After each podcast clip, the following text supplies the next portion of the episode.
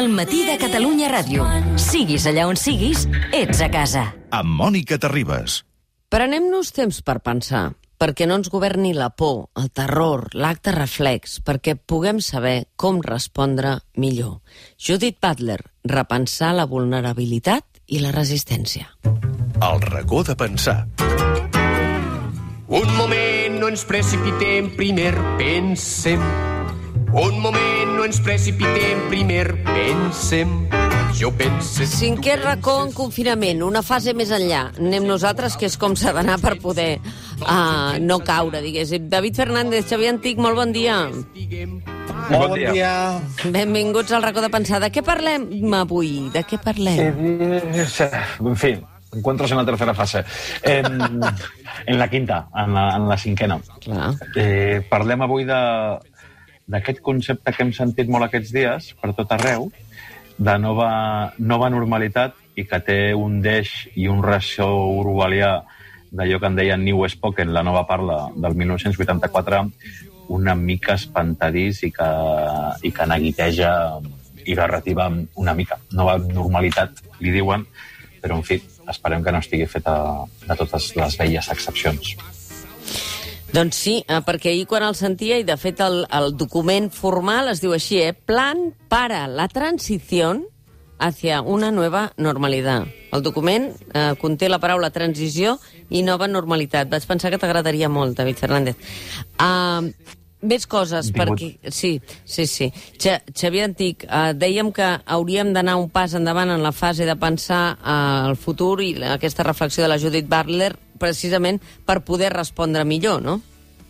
Sí, efectivament, eh? hem de recordar una mica... A, a, aquests dies jo crec que no sóc l'únic que em passa, que qualsevol cosa que llegim, encara que estigui pensada en uns altres contextos, mm. ens fa pensar exactament en el que estem ara. Eh? Eh, Judith Butler parlava d'aquesta necessitat de prendre'ns temps per pensar en, eh, a Mèxic, en una situació molt dura, després d'uns assassinats terribles, i de cop se converteix en quasi una urgència per nosaltres, no? Aquesta idea de que pensar no és un luxe, sinó que és un dret, i que, com tots els drets, costen, ens hem d'esforçar i, per tant, de tant en tant hem de parar màquines. Eh? Uh -huh. I, I segurament per pensar una mica les coses noves que hi ha, eh, perquè és cert que d'alguna manera eh, tot pot semblar que és una cosa ja vista en altres moments. La, la imatge de 1984, que ara recordava el David, és, és forta, eh? perquè, clar, 1984 per a Orwell era un demà, era un futur que endevinava, però avui per a nosaltres 1984 és un passat, i un uh -huh. passat que malauradament retorna, no? com si eh, ens tornéssim a trobar un cop i un altre les amenaces del passat eh, una vegada i una altra. Mm. Aquesta nova normalitat a la que eh, feia referència ara el David i que ens presidirà durant molts dies, també anava acompanyada ahir eh, de la insistència amb que, malgrat que ens diuen exactament què podrem fer i què no, la responsabilitat és nostra, diguéssim. Eh? Quines seran les paraules claus per parlar del món que ve? Le- Les has dit totes, jo crec, Mònica, eh? eh llibertat, eh, responsabilitat... Clar, eh, una mica aquests dies se'ns està intentant presentar un dilema que, al meu entendre, és un dilema eh, forçat i un dilema fals. El dilema no és eh, llibertat o policia, Mm, perquè això, és a dir, llibertat i fer una mica el que vulgueu, o policia perquè us vigilo, eh? eh perquè això ens, ens aboca a una idea de llibertat vigilada i, a més, vigilada perpètuament. Jo crec que una mica aquestes eh, primeres reaccions al desconfinament de la canalla que hem vist durant el cap de setmana Mm. i les reaccions una mica venien a il·lustrar una cosa que mm, jo crec que val la pena de, de, de, de pensar-la perquè rasca justament aquesta qüestió, eh? que és eh, com si mm, no, voleu, no, no sabeu usar bé la llibertat, doncs necessiteu policia i vigilància. Clar, la qüestió és eh, què, què, què val una llibertat eh, perpètuament vigilada, no? En, en la qual és eh, a sobre la pròpia ciutadania convertida Nosaltres ens en una convertim... mena de policia. Clar, nosaltres ens en mena de convertim en policia policies social, des no? dels balcons, no? Nosaltres estem Clar, allà mirant llavors- qui infringeix i qui no. Exacte, llavors jo crec que davant d'aquest dilema, que és, és un dilema mm, diabòlic, eh, perquè difícilment té sortida, hem de pensar que la llibertat, mm, cosa que és d'altra banda obvi, eh, no, no és un valor absolut, mm, i que quan pensem en la llibertat quasi bé eh, de carrerilla, no? Hem de dir llibertat, igualtat, fraternitat, no? Com aquest, aquesta trilogia que va junta, i per tant una llibertat eh, que, que no s'oposa a la policia, a la vigilància, al control, i per tant a la manca de llibertats, sinó una llibertat que cal treballar per la responsabilitat com a complement de la llibertat, no? No per la llibertat vigilada per la policia militar i per la policia social, eh, que ens acaba convertint a tots en una mena de menors d'edat, no? sinó una mica aquest exercici de la llibertat que exigeix una eh, responsabilitat que ens força pensar d'alguna manera en uns altres termes, no? David, Clar, eh... devien sentir el racó de pensar de la setmana passada perquè han desaparegut els militars de Policia Nacional i la Guàrdia Civil de la roda de premsa. O sigui, teniu un efecte eh, demolidor, eh? Jo crec que l'efecte demolidor en aquest cas ha sigut, ha sigut autoefecte, no? Mm. I fins i tot avui agrairia aquesta setmana, coincidint amb l'anunci de que desmilitaritzaven els discursos, o part dels discursos, perquè el discurs continua, el discurs vàlid, mm. però com a mínim desuniformaven les rodes eh, de premsa aquest eh, informe també eh, demolidor que va presentar ahir al centre, al centre de l'AS en base a les dades del, del CIPRI, que és l'Institut de Referència de Despesa Armamentística mm. Mundial, on feia la comparació dels programes militars de l'estat espanyol, com haguessin impactat no? en, en, la, en la sanitat pública, i era per dur-se les mans al cap. Jo crec que al respecte del que, del que diu el Xavi, eh, sempre amb aquesta lucidesa, jo crec que, clar, que, que el perill, que, el perill inquietant que tenim al, al davant no és estrictament nou, ve de lluny, és a dir, jo recordo clar. també aquesta mateixa, aquest hivern fèiem un racó de pensar que treballàvem molt al, al llibre de, de la Marta Peirano, del Neo mm. del sistema, i, i parlàvem de, no, del capitalisme de vigilància que existia abans de la Covid i, i arran de la suspensió del mòbil també parlàvem d'una cosa que no es volia veure de la tecnologia 5G, que és el somni humit eh, de, de Jeremias Benham, del panòptic, de veure-ho tot eh, sense ser vistos. I això ens torna l'altre dia un altre activista per la pau, que és el, perquè estem en una mena d'estranya guerra, que és el Jordi Armadans, ho deia, no? que ens hem tornat a polaritzar entre balcons solidaris i, i balcons xivatos, i entre l'espinatge mutu i el, suport, i el suport mutu eh, hi ha una antagonia absoluta, que són dos mons eh, completament diferents i que també recorren un discurs que ha sortit aquests dies. No? eh, quan eh, en un debat, jo crec que molt simplista i molt simplificat, parlàvem de l'eficàcia o de l'eficiència de la dictadura o la democràcia. Però, en fi, eh, podrem conviure eh, sense un poli al costat o, o dit d'altra forma, eh, haurem de triar i haurem de reprimir el poli que tots portem a dins, no? entre, entre aquests balcons eh, xivatos, anem a dir-ho així, davant els balcons eh, solidaris. I això jo crec que no és fruit i conseqüència directa ni molt menys de la crisi pandèmica sanitària, sinó de com es vol gestionar la postcrisi. I tots els Clar. indicadors són molt, molt, eh, jo crec que absolutament eh, inquietants. Uh -huh. eh, eh, és, és, és cert, si em permets, eh, Mònica, per afegir-hi eh, un, un, un, només un comentari eh, al que diu el David, perquè em sembla, em sembla que aquesta serà la, la batalla que ve, eh? Si pensem en termes, obrir una mica la forquilla de dècades, una mica el, el segle XXI se va obrir amb el gran debat de llibertat o seguretat, eh? arran de les Torres Bessones, ja ho sabem, eh? eh a quanta quantitat de llibertat estem disposats eh, a sacrificar en benefici d'una seguretat per tots. Ara una mica el que s'està dibuixant, i per això alguns pensen que el coronavirus serà les Torres Bessones eh, de la propera dècada, de la dècada en la que ja hi entrem, eh, ja no serà llibertat o seguretat, sinó el, quasi bé com una alternativa encara més esfereïdora, que és llibertat o vida. Uh -huh. És a dir, ara la qüestió és eh, que si estats i governs posen la vida com a objectiu exclusiu de totes les seves accions, com dient de tota la resta eh, ho deixarem per més endavant perquè ara el que ens preocupa és la protecció de la vida, qui s'oposarà a mesures d'estats o de governs que el que pretenen, ens diuen, és protegir la vida. És a dir, on, on, on posem la dissidència respecte d'una vida que aquesta sí que, en principi, hauríem de considerar que és un valor, eh, un valor absolut, no? Jo no sé si tinc país, tinc el meu poble. Jo no sé si tinc camí, tinc el meu caminar. Jo no entenc la llibertat, si no em sent lliure. Jo no sé per què tinc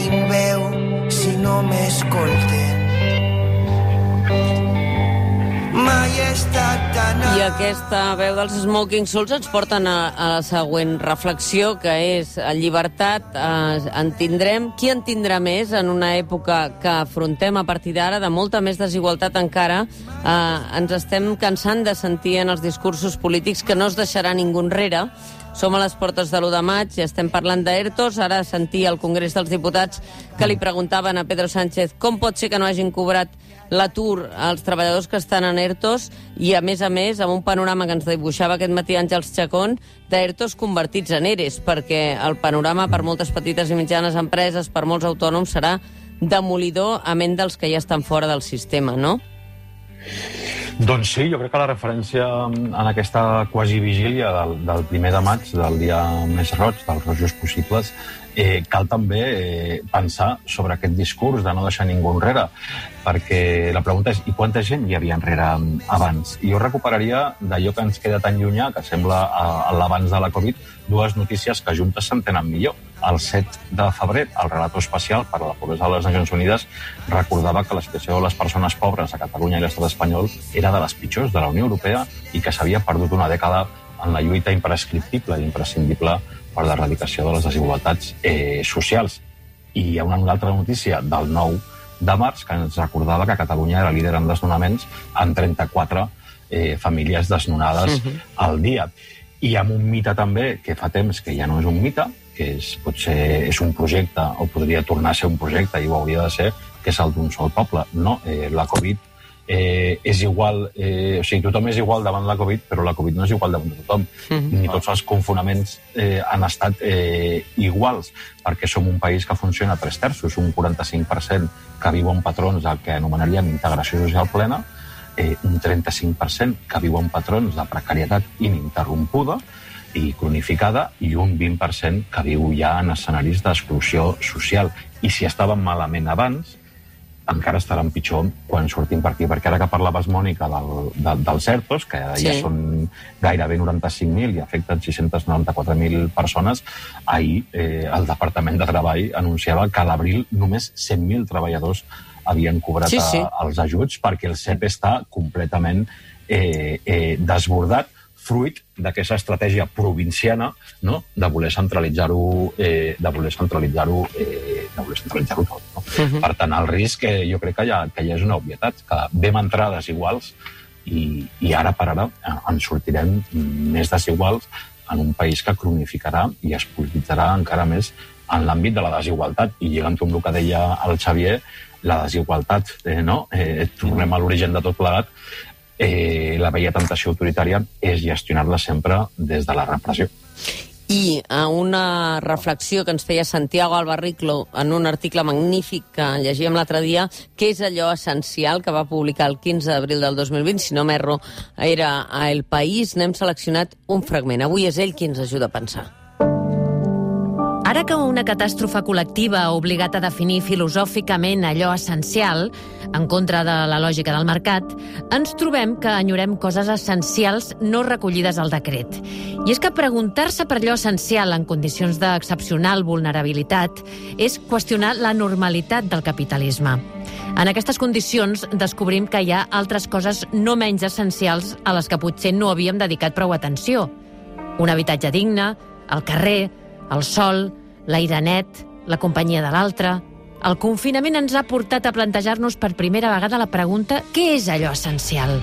Quan s'aixequi aquest confinament i tornem a la normalitat sanitària, haurem de pensar també, ara que ja coneixem allò essencial, en què és allò necessari i important.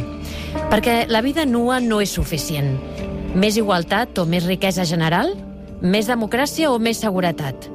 Més dret o més identitat? Santiago Alba Rico. Què és allò essencial?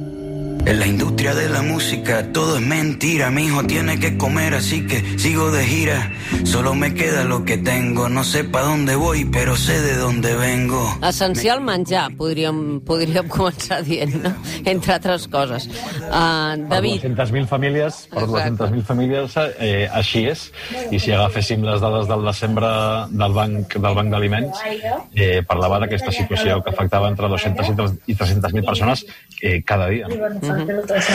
Sí, sí, exacte. És que, a més, és, eh, com abans eh, una mica dèiem, no? que se'ns volia oposar la vida o la llibertat i quasi bé obligar-nos a renunciar a la llibertat en nom de la vida, ara, en els termes que ho plantejava i també el David, és com si se'ns oposés la vida o la igualtat, no? I, I, per tant, una mica és com un missatge tremendo, no? Perquè és com si l'Estat eh, anunciés que ja no pot ajudar tota la societat, mm. sinó només protegir alguns contra les amenaces, no? Uh -huh. eh, quasi bé la- l'antic malson no? del progrés reduït a fatalitat, no? De dir, escolta, és el que hi ha, és la vida, ens obliga a abandonar i deixar de banda en contra del que reclamava el David i reclamem tots de no deixar ningú enrere, pues com si la fatalitat fos no tenim més remei per preservar la vida que deixar molts enrere i protegir-ne només alguns de les amenaces que venen i que hi ha aquí.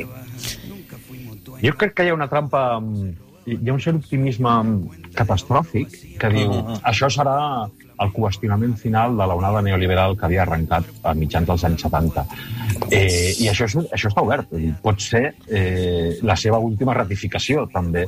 I aleshores, què és l'essencial? Eh, la dita popular de tal faràs, tal trobaràs, és que el que arribi demà dependrà directament del que fem avui. I com construïm la resposta avui a la crisi eh, provocada per la Covid en tants sentits i amb tants impactes i amb tanta mort eh, serà eh, eh, donarà el resultat de quin model polític, social, institucional, socioeconòmic eh, generarem. I- I... Això és una batalla oberta que depèn del que fem tots i cadascuna de nosaltres. I ho podrem fer si no hem d'esmerçar el nostre temps a saber com hem de sobreviure. Per tant, una manera de distreure aquesta reflexió és que estiguem distrets perquè no sabrem exactament com ho hem de fer per eh, sobreviure, especialment els sectors que pitjor ho passaran. Aquesta és la clau. Eh, el poder té la seva capacitat de no deixar temps per pensar. Per tant, l'haurem de... De trobar, l'haurem de trobar, perquè la confusió fa que perdem molt de temps pensant què hem de fer quan no se'ns donen uh, claus clares, no? completament en contra de la distracció, no? I el creure que efectivament ara que disposem sembla més temps que mai eh, és un temps que tenim més ocupat també que mai, no? I aquesta estranyesa per la qual les interpel·lacions són tan contínues, no? I en aquesta situació costa tant de donar-hi resposta que sembla que no ens quedi aquest temps necessari per pensar quina és la resposta que hem de donar i com n'hem de sortir ja ara, no pas demà o demà passat. No fos cas que tinguéssim temps, el futbol ja es posa en marxa, perquè uh, ja sabeu que, que el futbol, Bueno, el futbol està som- preservat ràpidament, eh? Primer el futbol i els bars. Això defineix una mica l'estat en el que ens trobem, no? Quan en d'altres llocs el que han posat primer no són pas el futbol professional i els bars, sinó algunes altres coses, no? David, alguna cosa més abans de que se'ns mengi el, el rellotge? No, la, la, com sempre tirem de banda sonora original que ens ajuda a, a pensar i a repensar-ho tot, i les respostes, que cal pensar eh, la resposta, doncs avui marxarem amb els eina, perquè hi ha un proverbi àrab que diu qui vol fer alguna cosa busca una eina i qui no busca una excusa. Una cançó d'eina que es diu De nou al vell torna nou, és a dir, que el risc de tornar a anar a petar al mateix lloc eh, existeix i cal conjurar-lo.